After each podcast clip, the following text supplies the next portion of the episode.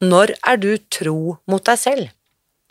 Det spørsmålet stiller jeg deg i denne tredje og siste delen i eh, miniserien med Christian, hvor vi ser på hva som kan oppstå når vi tør å bare la ting skje.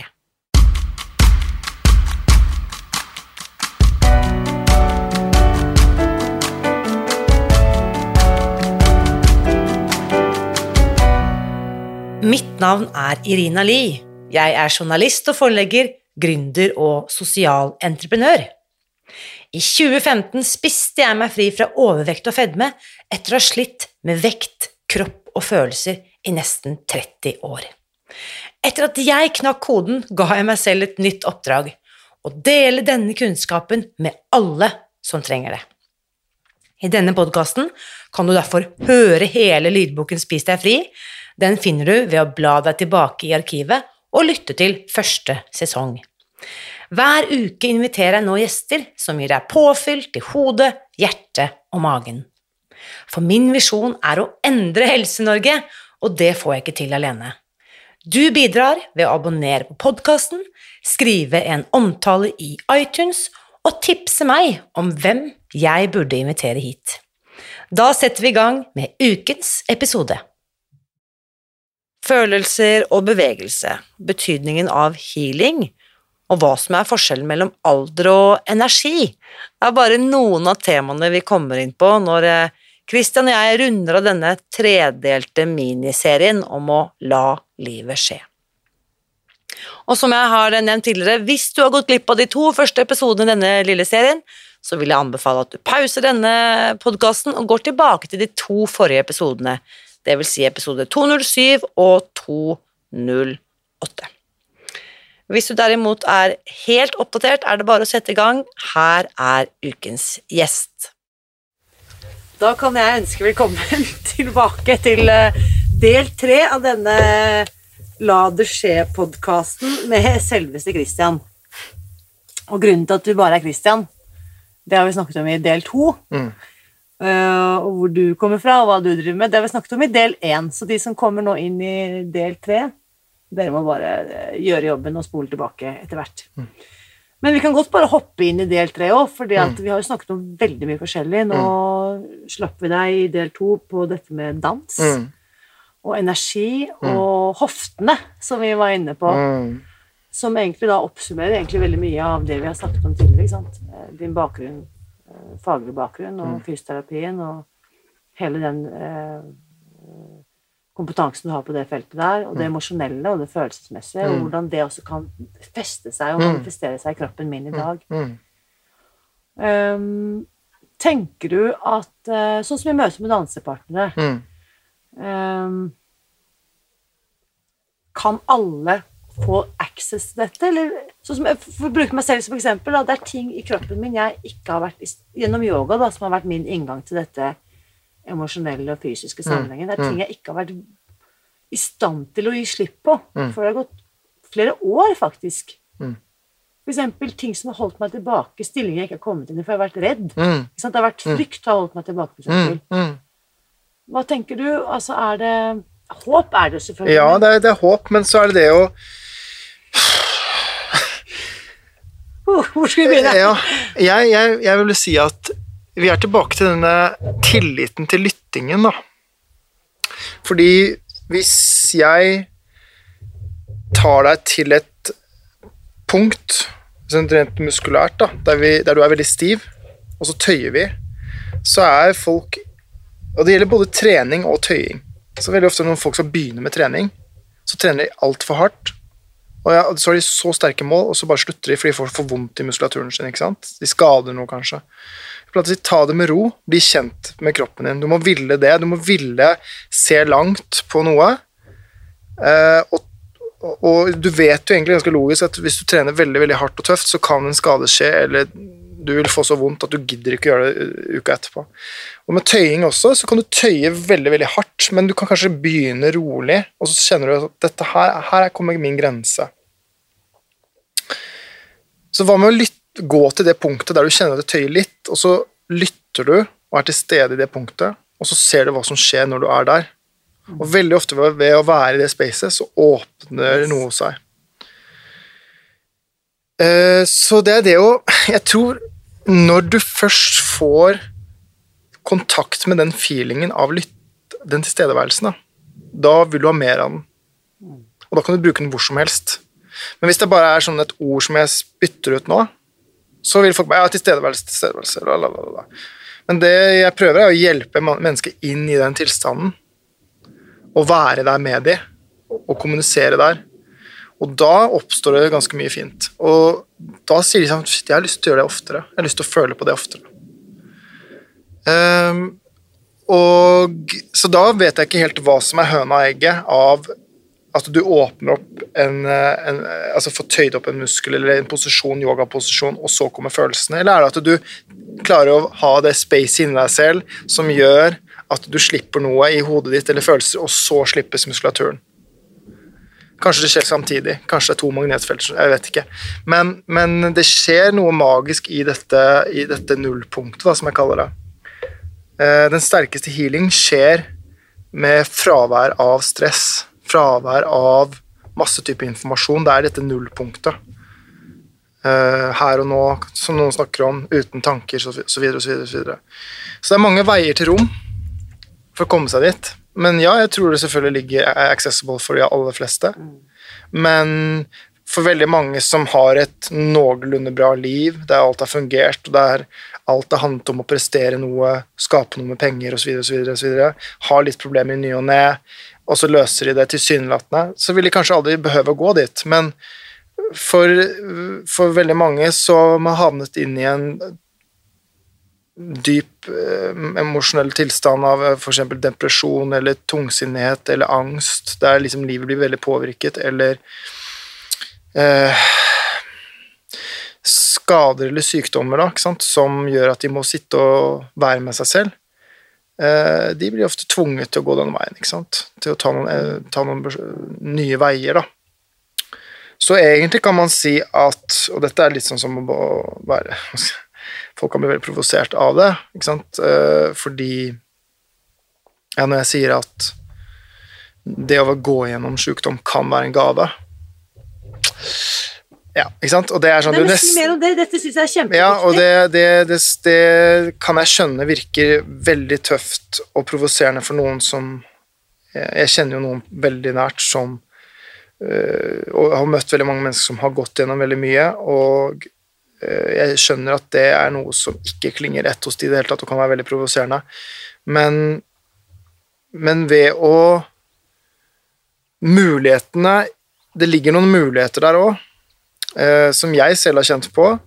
Eh, nå skal ikke jeg putte meg i den kategorien av de, aller, de som har vært tøffest berørt av fysiske plager, men jeg har gått gjennom ganske mye emosjonelle situasjoner over lang tid, uten å prøve å gå for mye inn på det nå. Så eh, det jeg opplever, er at i alle fall om vi ikke går inn på de aller tyngste temaene, så iallfall dagligdagse, ganske tyngende saker som kommer i bemøtelse, som egentlig da er oss selv, for det er vi som har en persepsjon av livet, som ikke, vi håndterer ikke situasjonen godt nok, så ligger det da en, et, et potensial av endring i, i deg selv, i det øyeblikket. Ehm, så, men hvis du da bemøter situasjonen likt hver gang, så skjer det jo ingenting. Så du må finne en ny form for persepsjon eller opplevelse for å kunne endre på det. Og der ligger det en gave. Jeg sitter jo her med denne boken som jeg nevnte så vidt her i stad, mm. som nå skrevet av dr. Joe Dispenza, og han skriver, som jeg da nevnte i del to av denne podkasten, at eh, jeg har kjøpt de norske rettighetene til og skal eh, lansere så snart som overhodet mulig. Men det jeg må bare lese her på engelsk, som han skriver i forordet, eh, det er følgende. We wait for crisis, trauma, loss, disease, and tragedy before we get down to looking at who we are, what we are doing, how we are living, what we are feeling, and what we believe or know in order to embrace true change. Often it takes a worst case scenario for us to begin making changes that support our health, relationships, career, family, and future. My message is why wait? Så skriver han da videre We can learn and change in a state of pain and suffering, or We can evolve in a state of joy and inspiration. Exactly. Og det er noe jeg også skrev Jeg har alltid skrevet eller sagt noe lignende til veldig mange av mine klienter. Må du, være, må du havne i en uh, flyulykke og overleve den før du våkner opp? Ja, må du få kreft før du verdsetter livet? Ja. Uh, ja, og de, så, så, langt kan vi si. Vi behøver kanskje ikke gå til å si at måten du har ledd på, har forårsaket det, men la oss si at du ikke har nytt, klart å nyte livet ditt. da ikke har klart å slappe av noen gang.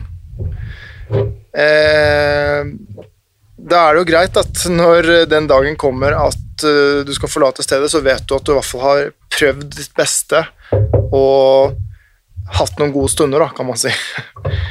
og så kan man kanskje gå enda videre, at hvis du gjør det, kanskje du også kunne unngått veldig mye av manifesterte plager. Så La oss leve livet forlengs, liksom. At vi ikke må vente til dødsdagen vår før vi skal se tilbake og liksom Ja, det, det, er, det er, Dette er ikke noe sånn Det er jo ikke veldig rocket science, det, men det er jo folk som har, har intervjuet døende pasienter. Og de spurt hva, hva, er, hvilke, hva, du, hva, kan du si til oss nå? Før du liksom nå tar dagen. Og det er jo de samme repetisjonene hver gang. Yes. Jeg skulle ønske at jeg brukte mer tid med de menneskene jeg er glad i. Jeg skulle ønske at jeg levde ut livet mitt mer. Turte mer. Turte mer. Mm. Jeg skulle ønske at jeg ikke hørte så veldig mye på alle andre som kanskje egentlig ikke brydde seg, osv., og, så videre, og levde her og nå. Yes. Det liksom jeg tror det er en bok som heter 'Regrets of the Dying', og en okay. artikkel i hvert fall. Det er ja. toucher inn på dette her. Ja, og jeg har jo også jobbet på sykehus, så ikke på palliativt, eh, men eh, det var, også, det var jo hjerte-lunge og med slagpasienter som det er noen gikk bort under den tiden. Og det er veldig interessant og utrolig sterkt å jobbe sånt, fordi du ser inn i øynene på et menneske som er 90 år gammelt, men du ser at det er et barn der inne mm. som har vært like ung som det jeg da var. Uh, og Jeg husker spesielt jeg møtte en kar som var, hadde vært fysiotarbeid, akkurat som meg, og bare så på meg bare sånn ja, liksom, Det der var i går, det. Jeg mm. bare Jesus. Mm. Right. Så um, uh, ja. Jeg hadde en samtale med en uh, god venn her forleden om uh, alder. Mm. Og han er eldre enn meg, da, og så sier jeg på et tidspunkt Og jeg har egentlig ikke tenkt på det på den måten, men selvfølgelig påvirket av våre samtaler, og ikke minst dr. Joe Dispenza, hvor jeg sier at jeg tror ikke lenger på alder. Mm. Jeg tror på energi. Mm. Og det betyr at eh, i møte med et syv år gammelt barn eller en hundre år gammel mann, så kan jeg kjenne på ikke sant? Ja, sånn, ja. ja. Og at alder Du kan ikke vurdere noen, eller jeg kan ikke kategorisere meg selv. Ikke sant? Jeg er 47 nå, du er 41. 41. Altså hva, hva, hva sier det oss egentlig? Nei, jeg, jeg, kan jo i hvert fall si at uh, Vi kan da først begynne der, da. At noen individer føler jeg er tidløse. Noen er tidløse. Ja, kan, og det, er, det har med deres approach til livet òg. Sånn som uh, en herremann vi møtte samtidig på Kaffebønneriet, han som uh, en, av, en, av, de ørtene vi har møtt, han er uh, godt opp i åra og driver og går på ski, hopper fra tieren. Er, er, nysgjerrig. Han er utrolig nysgjerrig og åpen. er ikke redd for å si fra hva han mener, han har kommet såpass langt opp i årene, men han er samtidig veldig lydhør. Og jeg har møtt en del andre sånne, også en venninne av meg som nå er uh, over 70, men hun er veldig nysgjerrig på hva de unge har å si. Mm. Og det gjør jo også noe med dem, som de selv sier at de føler seg yngre, ikke sant, mm. kontra sine venner. Så det er en form for tidløshet i de. Så det er jo én approach. At der du føler noen bare haker seg på et sånt tannhjul som går i livet. Dette, nå har du ett år til og ett år til når du er litt eldre, og så blir de gråere med det. Og så har du de andre som måte er veldig her og nå hele tiden og er nysgjerrige på impulser som kanskje også holder de mer vitale. da. Og kanskje uten å vite om det biohacker seg selv yes. yngre. Yes. Eh, så det er jo interessant med fasting, da. Der hevdes det jo veldig mye. Det er liksom at etter 12 timer eller 16 timer så produserer du eh, eh, growth hormone, som i prinsipp gjør at du blir yngre. og Flere har jo hevdet at de har sett at rynker har forsvunnet når de har fastet så og så lenge osv. Det er jo fordi du stilner jo hele systemet. Det går jo en form for dvale, ikke sant? så tiden går jo treigere inn i et menneske som, som uh, faster enn et som, som kaster i seg noe hele tiden. Eller for å ta pust, da, som vi også har snakket om. Pust, puste I eh, Ancient Wisdom fra Østen sier jo at eh, du er sant, Ditt liv er så og så mange pust. mm, Så kan du tenke deg da at eh, hvis jeg stresser rundt og, det, og hyperventilerer, så vil jo livet mitt bli betydelig forkortet enn hvis jeg forlenger utpustet og roer ned. mm, Og egentlig så It makes sense. Liksom. Yeah. Really does. Ok, så vi kan herved sette en strek over alder. Eh, ja. Vi har runda bøya, så vi går nedover nå. Ja, jo, men hvis jeg skulle liksom eh, Hvis noen hadde spurt meg hvor gammel er Christian, så hadde jeg sagt han er århundrer eldre enn meg. Ikke sant? Skjønner jeg mener? Eh, fordi at eh, Hadde vi møttes i en annen setting, så hadde jeg kanskje tenkt at eh, han er bare en liten spirrevipp. Altså, det er ikke det, Nei, men altså Så alder mener jeg rett og slett er en eh, Det var som en eldre dame jeg møtte i USA for mange år siden, og hun fylte 80, og jeg var kanskje da 40, og så så, så sier jeg oh, wow, that's amazing, liksom, gratulerer med dagen og sånn, og så sier hun sånn Alle har misforstått det med alder, vet du. Everyone has it wrong. Det er ikke alder, it's levels. Mm. Så I'm level 80, you're just still hanging around at level 42. Ikke sant? Så bare så tenkte jeg det var litt kult at denne gamle damen liksom gamifiserte livet. Ja. Og så er du et hvilket som helst spill, så vil du heller være level 80 Ja, ja. level 42. Ja, Liksom. ja. Nei, det er øh, Det er øh, Ja. Og så er det jo selvfølgelig dette med at du kan møte på yngre mennesker som du bare Du kan se i øynene deres at øh, de nesten har levd et så og så mange liv før, f.eks. eksempel At det her er en gammel sjel. Yes. Selv om det er også bare noe vi kan synse med, men ja, jeg, jeg tror jo på det både ut fra hva jeg har drømt og sett, og også det x antall eh, bøker av Dolores Cannon, så begynner jeg å være veldig åpen for at det kan være flere liv eller parallelle liv eller et eller annet da, som uh, For det, ja, det er noen du bare ser har en eller annen form for dybde i seg, og andre som bare farer rundt, og jeg skulle mange ganger ønsket jeg bare var en som f var der, men det er jeg ikke. Det er jo også et av de notatene jeg har skrevet etter et av våre første møter, hvor du nevner da denne kvinnen, Dolores Cannon, som Ja. også ble en døråpner til en Ja. helt ny verden. Ja. Det, det burde vi også lage en podkast Ja. om, men det, hvem vet hva som skjer her. Ja. Eh, Ok. ehm, det jeg tenkte vi også måtte tappe inn på, for vi snakker jo om tittelen på denne podkast, eller miniserien, 'La det skje'. Fordi du har jo også hatt øh, øh, ideer eller liksom ambisjoner, eller bare plutselig våkner du en dag eller Dette er ikke helt eh, Nå oppsummerer jeg, og dette er den tablide fremstillingen. Men i tillegg til alle disse karrierene, så finner du ut at det hadde vært gøy å være modell.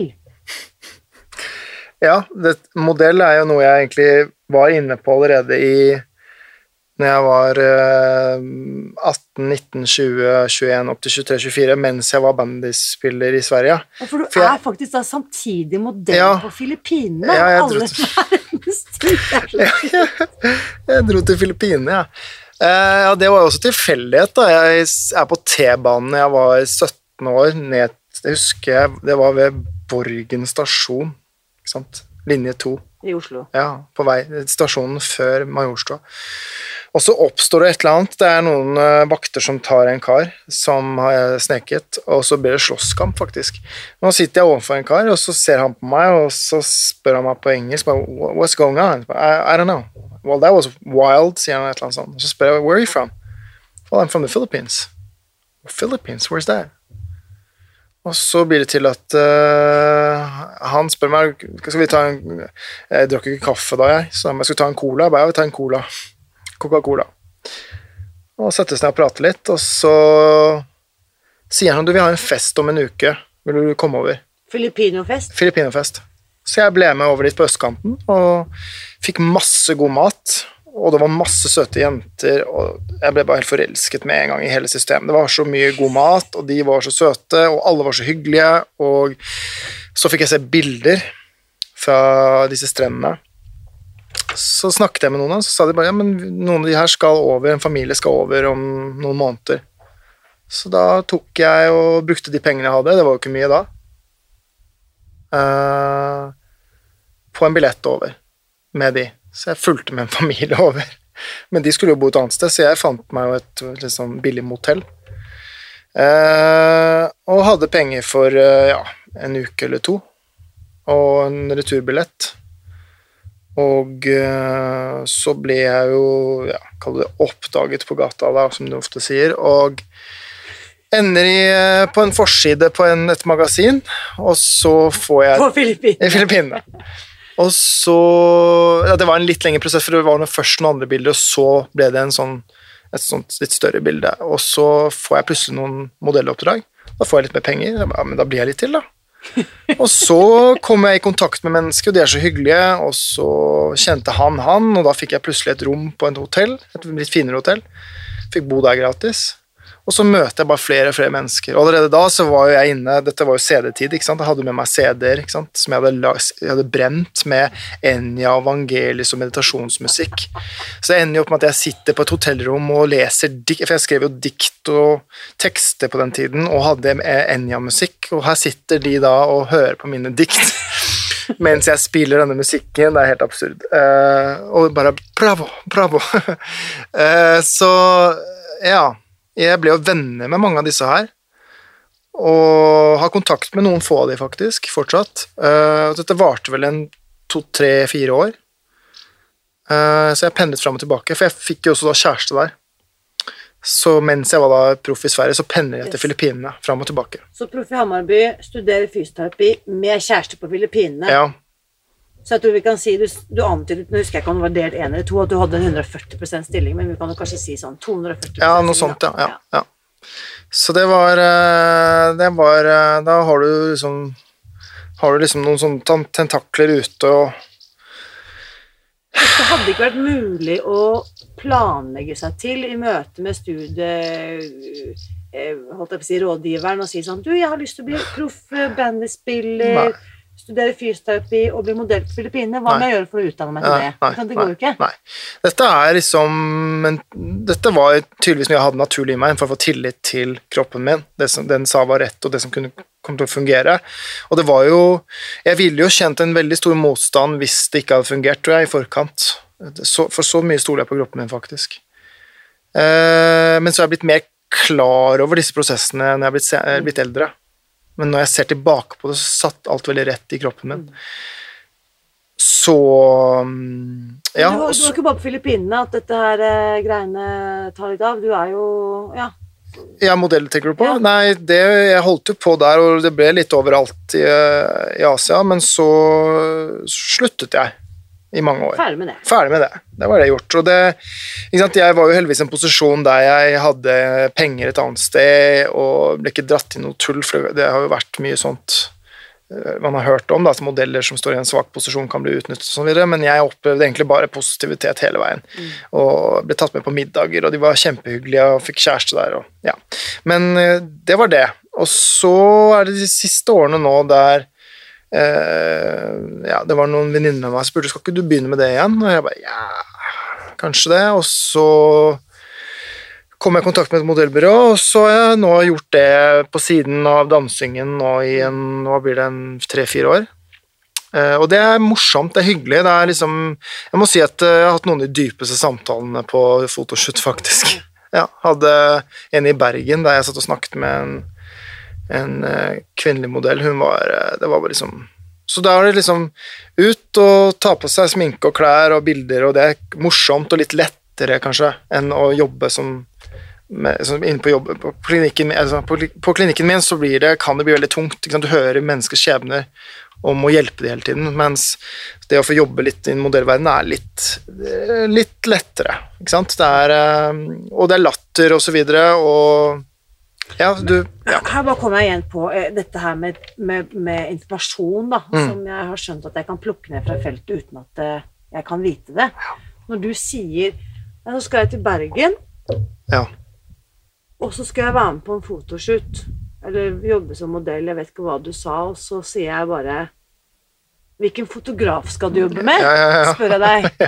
Jeg har jobbet mange år i Bergen og kjenner mange fotografer, og så sier du 'jeg vet ikke, jeg må sjekke', ikke sant. Og så skriver jeg liksom til deg skal, Jeg har en følelse at det kan være Morten. Mm. Og så er det Morten Ja, ja. du jobber med. Mm. Oh, what are the odds? Nei, ikke sant. Nei, det var morsomt. Og så skjer det igjen nå, rett i sommer. Ja, en annen setting en annen setting, en annen modellkompis.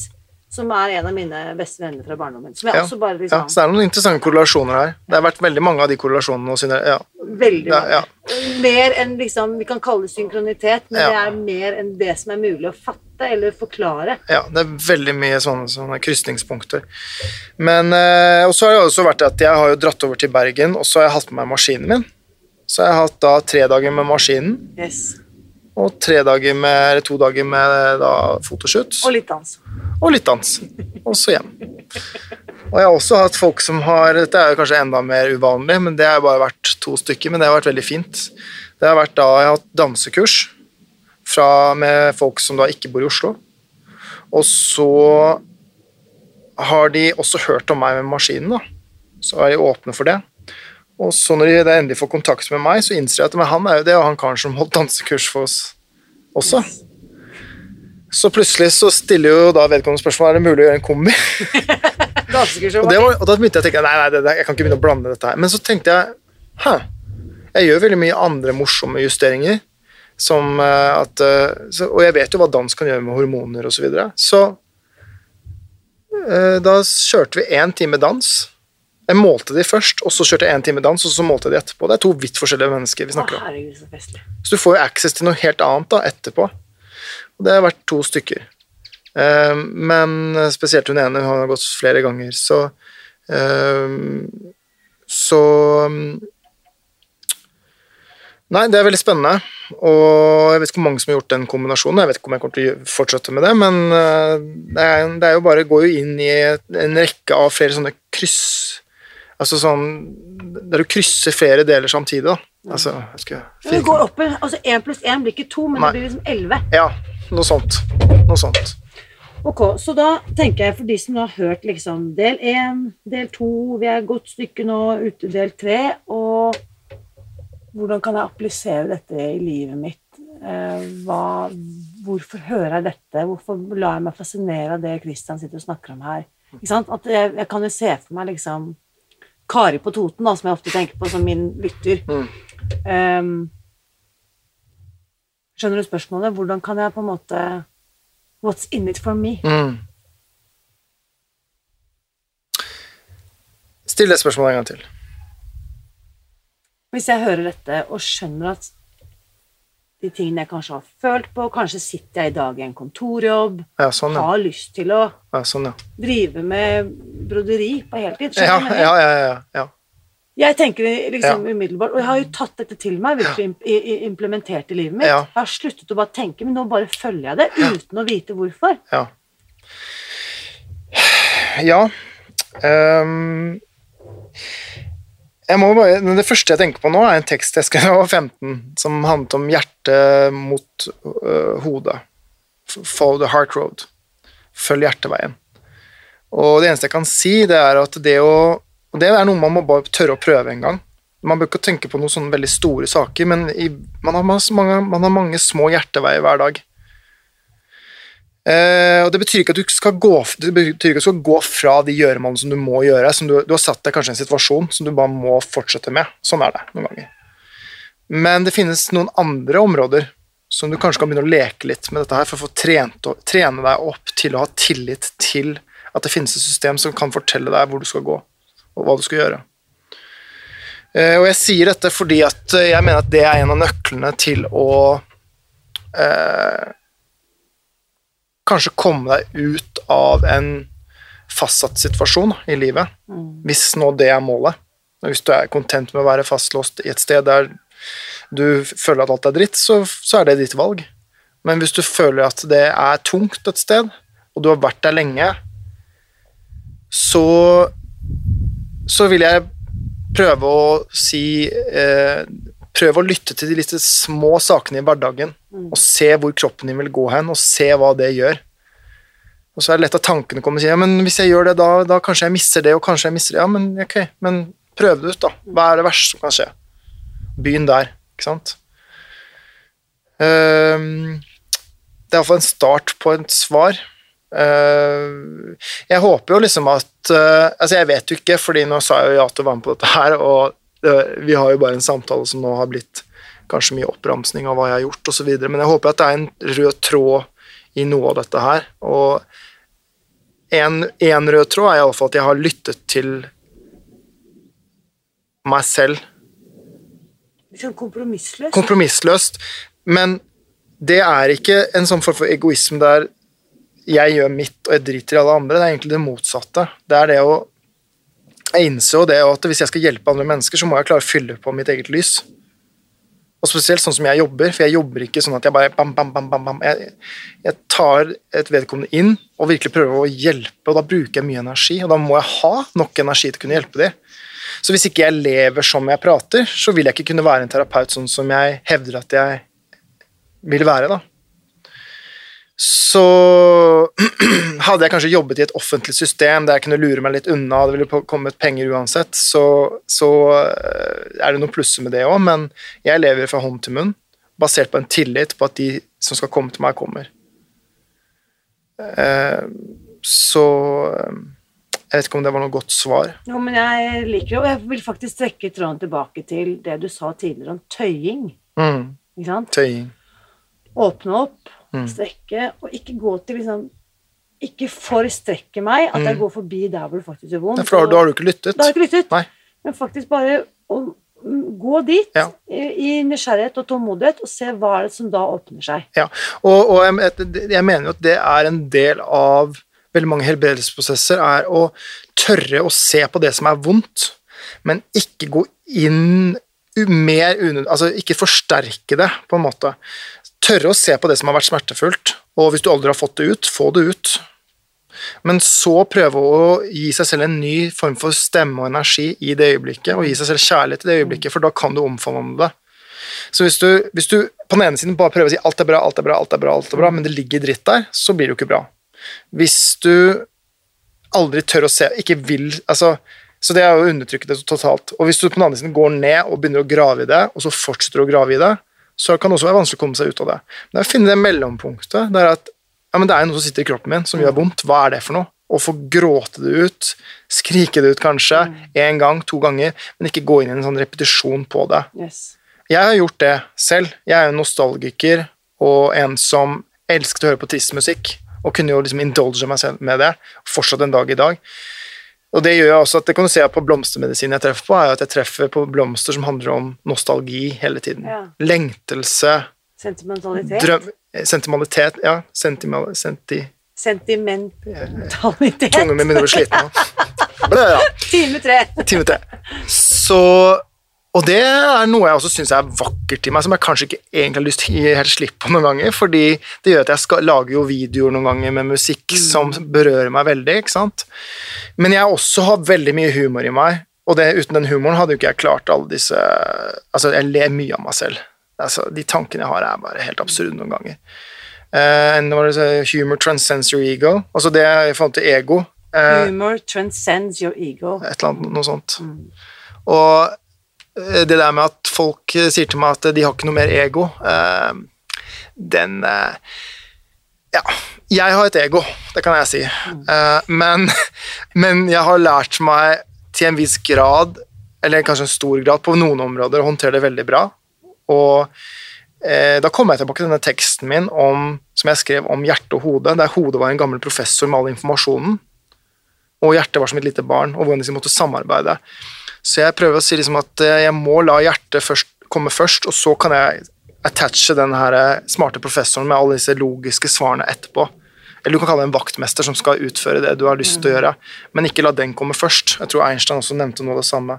Ikke for, ikke for å sammenligne, meg med ham, på noen måte, men det har vært andre smarte folk som har vært sagt dette mange ganger òg. Så Eh, men, men tilbake til dette med enten å grave seg veldig dypt eller å undertrykke det. Igjen så er det, for, er det ikke balanse vi alltid snakker om. Så det er en balanse i å tørre å se på det når du er der, men også kunne gi slipp på det, og gi slipp med kjærlighet. Og si takk for den reisen, takk for de følelsene, det er noe jeg kan ha med i backpacken min, men nå vil jeg være her og nå og se framover. Yes. Uh, og det har vært en stor læringsprosess for meg, og en endring som har skjedd bare de siste årene for meg. Uh, altså over mange år. Så Ja, og så har jeg møtt andre mennesker som jeg ser er mye mer framover, som pusher framover hele tiden. Og jeg har vært en som har vært bakover. Og noen hevder jo også at eh, de som henger litt for lengt bakover, nostalgikerne og sukkerne og lengterne, er de som havner litt lettere i depresjon, deep pressure. Eh, og de som er for litt for langt fram, kan havne kanskje litt lettere i angstsituasjoner. Det, skal, det er bare, dette vet ikke jeg, men det er interessant, det er interessant spørsmål, i alle fall. Eh, Det er interessant. Dette her minner meg om Nå kommer det opp i sånne assosiasjoner når du snakker at eh, del fire nå. Ja. sant? Nettopp tanker om fortid Mm. eh, sant? er knyttet, sant? knyttet til dette med sorg, savn, eh, fortid, altså minner, sentimentalitet, depresjon. Mm. Mens frykt og uro er knyttet til fremtid. Mm. Og så er det et sted eh, i midten, Mm. som er da, som dr. Joe Dispenza kaller det, the infinite present moment. Exactly. Zero point, som jeg kaller det. Zero point, nullpunktet. Altså det evigvarende nuet. Mm. Og det er faktisk evigvarende, for vi, vi kan velge Mm. hvis vi hvis jeg identifiserer at Oi, shit, nå sitter jeg fast i det savnet og sorgen og skammen, eller hva det måtte være. Fortid. Ja. Eller og nå er jeg redd og bekymrer meg, og shit, hvordan skal det gå? Strøm, strømkrise og krig og inflasjon og gudene vet hva. Ja. Nå er fremtiden. Ja. Identifisere det. Mm. Trekke meg tilbake til nullpunktet. Mm. Det evigvarende nuet. Mm. Og her er, som jeg sier, her og nå er allting godt. Ja, og, det, og så vil jeg også si da Fordi når du nevner nå krig og ditt og datt og alt mulig, så er det veldig lett at veldig mange som hører på dette, og jeg også kan tenke sånn Ja, men herregud, da, vi kan jo ikke ikke tenke på det som faktisk skjer. Det er jo bare å for, forsvinne bort fra realiteten, det òg. Men hvis da målet er å kunne håndtere all den informasjonen, så vil jeg allikevel hevde at det nullpunktet er det eneste du behøver å være, i hvert fall i en kort periode, for å rense og for å få en, eh, en ro i systemet ditt. For hvis du ligger altså det, det å, Jeg tror ingen kan være i disse tankeprosessene uten at det påvirker kroppen din negativt. Så hvis du faktisk vil være en sterk person når all den dritten en, en dag kanskje kommer, så er det bedre å ha heller vært i det nullpunktet litt oftere. Og jeg tenker på Eckhart Tolle som også har nevnt det, at eh, der kan man også bare starte med det er veldig mange sånn, Når de begynner med meditasjon, så tenker de ja, men vil, nå vil jeg bare være fri fra tankene mine. Men det han, det han har sagt flere ganger, er jo bare, bare Just now, my dear brain, just now for 20 seconds, I just want to be free. Let me be free. Bare gå til kroppen sin og bare kutte ut la, Bare tenk at du skal få lov til å komme. Du skal få lov til å komme med tankene dine, men akkurat nå i 30 sekunder så bare kjenn hvordan kroppen har det uten tankene. Og det, det, det hjelper litt, for da tenker man sånn Ok, de skal få lov til å komme snart, men akkurat nå får de ikke lov til å være her. Og så kjenner du hva som skjer med kroppen din. Det er sånn, That's pretty interesting. Ha. Og så ligger jo tankene Ja, men snart kommer jeg, og nå skal jeg fortelle deg hvor ille det er. Ja. Yeah. Yeah don't worry, bag got my 20 seconds. I love it. Yeah. Så til Kari på Toten og alle andre som trenger dette, bare ta deg en liten pustepause. Stopp opp. Kjenn etter. Jeg har en lærer i USA som sier eh, Feel your body, feel your feet. Bringe oppmerksomheten nedover. Liksom det du snakket om også, være grounded, være Ja. jordet. Vi har ikke snakket om det en gang, men det er kanskje neste gang. ja. Jording. Hvor viktig det er. Og, og også kanskje, hvis steget ikke er bare at man kan klare å sette seg ned og meditere og føle alt, som er en læringsprosess, det òg. Vit at allerede nå, og kanskje i mange år, har kroppen din egentlig prøvd å gi deg svar, eller signaler. Og selv om du ikke har hørt på de før, så kan du begynne akkurat nå å høre på det. Og det kan være at når du har prøvd å snakke med et menneske flere ganger om noe som betyr noe for deg, og du bare føler motstand, så er, det, er du kanskje ikke på rett sted. Kanskje du skal gå et annet sted og prøve det først. Og så vil jo selvfølgelig hele din reisen være deg. Det er deg det, er deg det noe må skje, kanskje. Men, men det kan være en drahjelp å kanskje først prøve å finne et miljø og et sted der man får lov til å gi uttrykk for noe, Ja. og så begynne veien der. Men til, bare vit at til slutt så vil alt peke mot deg. Mm. Men man må få lov til å begynne et sted. Eh, bare så det er sagt. Jeg prøver, for det, dette er sånne broer jeg prøver å hjelpe mennesker med. Så ikke jeg, hvis jeg nei, men just, bare sett deg ned og meditere og kom til nirvana, så blir alt bra. Easy-peasy. No, altså Vi må ta utgangspunkt i hvor mennesker befinner seg her og nå, for å kunne hjelpe dem best mulig. Og det er så interessant også verden min. Sant? Nå sitter vi her Mm. på hytta. Mm. Din verden er diametralt motsatt av min. Mm. Jeg ser utover fjorden. Ja, jeg ser Du ser opp mot solen og inn i skogen. Ja. Så det er jo på, på den måten er det også at vi vite at hvordan jeg ser verden, er min. Dette er min verden. ja. Hvordan du ser verden, er din verden. Og de, Ja. de to er begge sanne. Ja. Så jeg tror det er kjempeviktig å bare øh, finne noen. Men også bare det å liksom tørre å sette ord på det for min Ja, egen del, og ja. finne noen som kan lytte. Ja, ja, det, ja kanskje det er egentlig det viktigste. Kanskje ikke nødvendigvis å gå og kjenne hvor du kjenner motstand eller ikke motstand, men ja, iallfall finne steder der det ikke er motstand til å kalle Jeg kaller det det bordet. Vi må ha et sted der vi kan legge ut tankene og følelsene våre og se på de sammen. Ikke nødvendigvis at vi er enige, men at vi tør å få lov til å legge de ut. For nå er vi også i en interessant tilstand i verden der liksom jeg har mine tanker og følelser, og du har dine, men vi, hører jo, vi gir ikke et space. Tilbake til, nå er vi tilbake til dette med hvor er space og plattformen for ulike tanker og følelser, og respekten for det. Og hvis det ikke finnes, så vil jo de gå underground. Og det blir enda større separasjon. Det blir enda depresjon, og så vil det komme opp i kanskje ekstreme former. Hvis, no, hvis noen sitter med noen veldig dysfunksjonelle tanker, så vil jeg gjerne, gjerne at det kommer fram, så mennesker får sett det, og så kan vi se men hva er årsaken til det. da? Men hvis de ikke får en plattform, hvis det bare blir kuttet av og eh, dratt bort, og noen bestemmer at dette er ditt og det er datt, så vil det aldri komme fram. Det er også det at det, hvor tolerant jeg er i møte med meg selv, hvor god da, eller hvor mye trening jeg har i å møte mine egne shortcomings, Mm. er en direkte refleksjon av hvor tolerant jeg er overfor deg. Ja, eller du kan si motsatt, at jo hvor tolerant du er overfor meg Det var kanskje det du sa. Hvor tolerant du, er, altså, så tolerant jeg klarer å være overfor deg, handler om min egen toleranse overfor Ja. meg selv. Yes. Og så jeg pleier å si to Jeg pleier alltid å tegne opp dette bildet med to trær som du setter røttene mot, og så Så hvis eksempel eh, Dette har med både informasjon og kjærlighet og alt mulig. La oss si et menneske har latt sitt tre gro stort og, og colorful og bla, ikke sant? Så, så må du vite at du kan jo ikke kommunisere mer enn det den andre har i høyde og bredde. yes, jeg skjønner. Så, så det er jo veldig flott da, hvis du har to like trær, for da har vi akkurat like mye toleranse og kunnskap og alt mulig, men vi må forstå at det er ulike typer trær eh, og størrelser og det ene og det andre, så eh, å lese av det, og da er du tilbake til rammebetingelsene, ikke sant? Så mm, forhold deg til de rammebetingelsene som er der, og det handler om lytting igjen. Så det er mange sånne punkter som Kommer tilbake. Ja.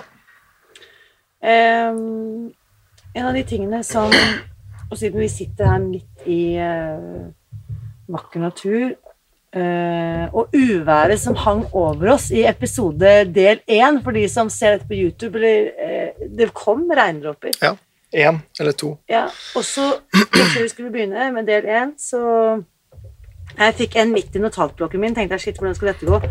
Og ikke minst alt dette tekniske utstyret som ikke tåler veldig mye vann. Men som jeg da tenkte jeg skal sjekke Yr, og så bare nei. Nei. Nå bare velger jeg i tillit å vite at dette Ja. blir som det blir. Ja. Det blir bra uansett. Ja. Og det er interessant, for jeg snakker ofte om å praktisere tillit. Mm. Det er ikke noe jeg kan lese meg til, det er ikke noe jeg kan kjøpe på butikken, det er ikke noe jeg kan arve. Mm. Det er noe jeg må faktisk praktisere. Mm. Selv når jeg ikke tror eller Mm. våger eller. Og bare været var som et eksempel. Da? Vi begge to bare Nei, Mm. dette går Vi bare ser. Eh, tror du ikke at vi bare også kan invitere lytteren til å gjøre det? Bare praktisere litt tillit. Gjør noe i dag som du kanskje ikke engang tror eller har erfart før Ja. at kan funke, men bare gjør det i tillit. Absolutt, og begynne med kanskje Det kan være noe veldig smått og enkelt, eh, og så leke litt med det. Eh, og så er det jo veldig interessant, da, fordi jeg liker jo å se hvor stor er tilliten når det blir tøft. Ja, hvordan sjekker du det? Hos deg selv? ja, eller andre mennesker rundt meg, for det er veldig lett å snakke om dette her når alt er bra, Når solen skinner? når sola skinner. Men hva skjer når det blir tøft? Mm. Mm. Og da kunne jobbe med det samme. Men det er greit da, sånn som med trening, så man begynner med lette vekter, og så funker det bra, og så øker man suksessivt. Og så vil man nå et det er ikke sant, noen, områder, noen områder har man kommet langt, og noen områder der vi har eh, si, mønstre eller traumer som gjør at vi har kommet kortere, så blir det kjappere at de kommer inn og låser oss. Og da er det jo veldig interessant med hvor sterk er den tilliten da til endringer. Jeg digger det. Og jeg må jeg bare spørre, for nå har vi snakket mye om sånn som du sier, Jeg føler at jeg bare ramset opp hva jeg har gjort. Du har ikke det. Det kan jeg love deg. Mm. Men det jeg er nysgjerrig på, er jo jeg, Som du vet at jeg er veldig opptatt av, er jo eh, Jeg har jo fått høre, og jeg vet også selv, jeg har skjønt, lært meg selv å kjenne, og vet at jeg er veldig visjonær. Jeg ser jo for meg ting, ikke sant? Mm. Og så skjer det i virkeligheten. Mm. Kall det manifestasjon, da. Mm. Hva liksom Ok, Christian 42, Christian 84. Når Christian 84 ser tilbake på liksom andre halvdelen av eh, livet eh, up until then Mm. Eh, Hvor går veien videre? Hva, what's in it for you? Er det liksom Jeg vet iallfall at jeg kommer aldri til å gi slipp på energi og lytting til eh, det som far gjennom kroppen min. Til eh, det å være sann mot den Being true to whoever who's in, on the inside. For det er jo en ny versjon hele tiden.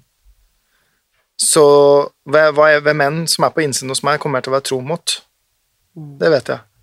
Og eh, det kan også være at det er en høyere kilde som farer gjennom meg. Eh, ser jeg bare tilbake på tekstene mine, så som var den største utfordringen og spørsmålet mitt, var Jeg føler veldig mye vakkert som farer gjennom meg, men hvordan skal jeg klare å skape en bro fra det inn i denne verden? For da titter jeg ut på verden og alle de utfordringene som var der. Så i mange år så måtte jeg hoppe litt, for jeg klarte ikke å skape en bro inn. Og integrering er jo et veldig eh, viktig ord. Og det så det jo på veldig mange som i mange år kanskje dro på yoga-retreats, dro på mat ditt og datt og datt, og så kommer de tilbake. Så er det den samme drittsekken. Samme versjon, i alle fall. Og, eh, og i alle fall, det kjenner jeg på selv òg, at familie er kanskje den tøffeste og sterkeste spirituelle og psykologiske reisen vi har. Så det er veldig mange som kan klare å være guruer andre steder, så kommer de hjem, og dette er jo liksom, man, har lyst til å gjøre litt, man gjøre litt sånn sketsjer rundt. Så så tror jeg ikke var det, om det var uh, Friends eller Frasier som lagde en sånn morsomt klipp på det, bare en sånn yogaguru som er så rolig og i zen, helt til moren hans ringer, og så skriker han. You Piece of shit. Ja. Um, så det er jo fordi at eh, Så hvis vi har tro på det at vi Det er jo mange som hevder dette. Spirituelle sier jo at vi har valgt våre liv. Vi har- Vi har valgt våre foreldre. Well, if that's true Ja. Da handler det jo om å Det er helt fint å stikke av gårde, få reiser, for da får du perspektiv. Men så er det å hente med seg den informasjonen hjem, da, og så prøve å bro, skape en bro inn til seg selv, og da mot de menneskene man er glad i, så godt det lar seg gjøre. Uh, hvis nå det er uh, teorien. Ja, så Hvis man skal ta en sånn syretest, og nå blir disse episodene publisert på søndager, så kan man dra i ettermiddag kan man dra hjem på søndagsmiddag til nærmeste familie, oppvekstfamilie, og kjenne etter eh, Hvor mye toleranse, jording og balan eh, er, toleranse, jording og balanse har jeg i systemet mitt nå. Mm. Ja. Mm. Nei, Det er det er- syretest. det er syretest. Skikkelig syretest. For noen. For noen. Nei, men jeg liker det, og, og, og også, ikke sant, for uh, de som har barn altså Det er sikkert mange som kan kjenne seg igjen i det, ikke sant, at jeg møter meg selv så vanvittig Ja.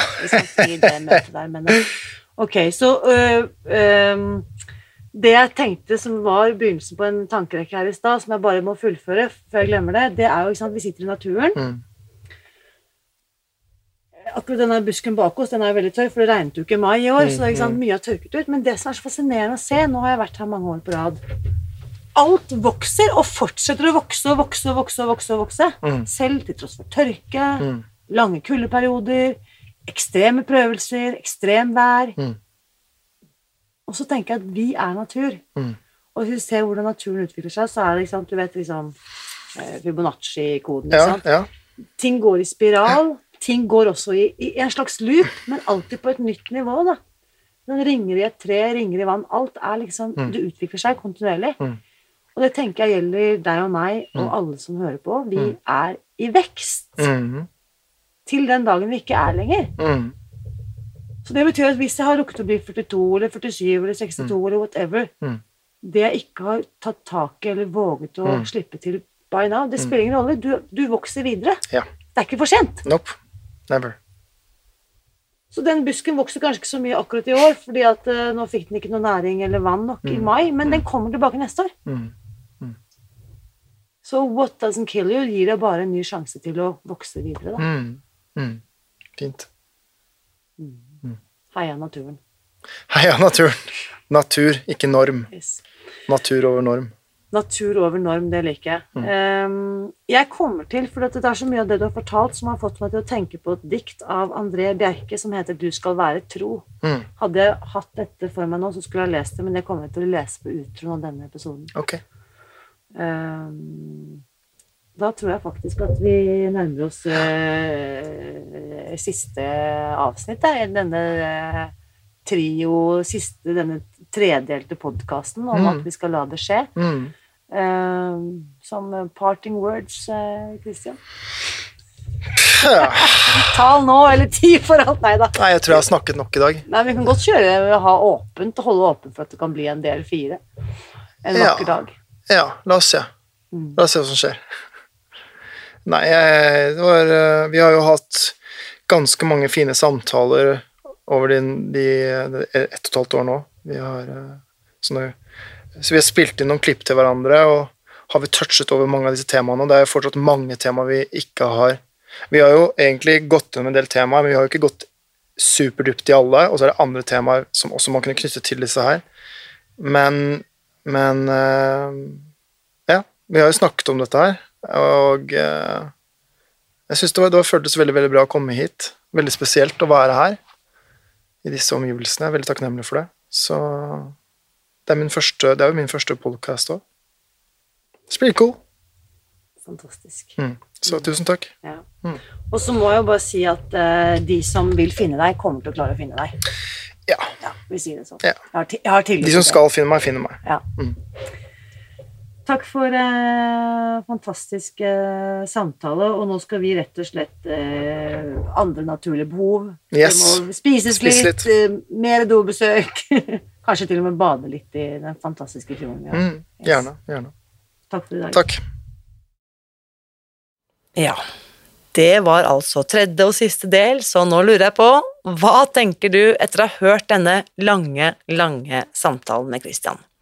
Jeg har sjelden vært mer nysgjerrig på å høre hva du sitter igjen med etter å ha hørt alt dette, så bli med over i den åpne Facebook-gruppen og del dine tanker der.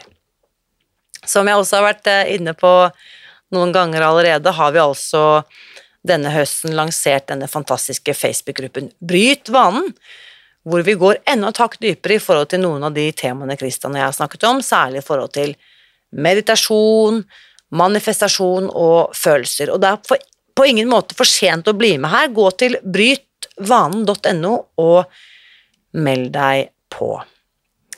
Og så gjentar jeg også at alle inntektene fra denne eksklusive Facebook-gruppen går altså uavkortet til å finansiere utgivelsen av boken Bryt vanen med å være deg selv, som jeg har ambisjoner om å lansere 23.12.23. Det vil si på lille julaften i år. Det er ikke lenge til. Så jeg kan også legge til at hvis du velger å bli med i denne Facebook-gruppen før 1. oktober, så kommer jeg til å ta med navnet ditt i takk til-listen i den norske utgaven, som altså lanseres nå i vinter. Det eneste du trenger å gjøre, er å gå til brytvanen.no, og så ses vi på innsiden. Og du kommer til å kunne glede deg over å se navnet ditt på innsiden av dette bokcoveret i etterordet der. Så for å runde av denne miniserien, som jeg håper at du har satt like stor pris på som meg, vil jeg nå lese et av mine favorittdikt gjennom alle tider, nemlig Du skal være tro av André Bjerke. Du skal være tro, men ikke mot noe menneske som i gold grådighet henger ved dine hender. Ikke mot noe ideal som svulmer i store bokstaver uten å røre ved ditt hjerte. Ikke mot noe bud som gjør deg til en utlending i ditt eget legeme. ikke mot noen drøm du ikke selv har drømt. Når var du tro? Var du tro når du knelte i skyggen av andres avgudsbilder? Var du tro når du ikke bedro den du ikke elsket? Var du tro når din feighet forkledte seg og kalte seg samvittighet? Nei, men når det som rørte ved deg ga tone, når din egen puls ga rytme til handling, når du var ett med det som sitret i deg, da var du tro.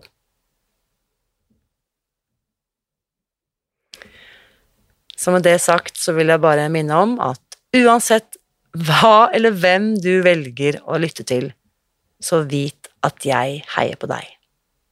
Alltid.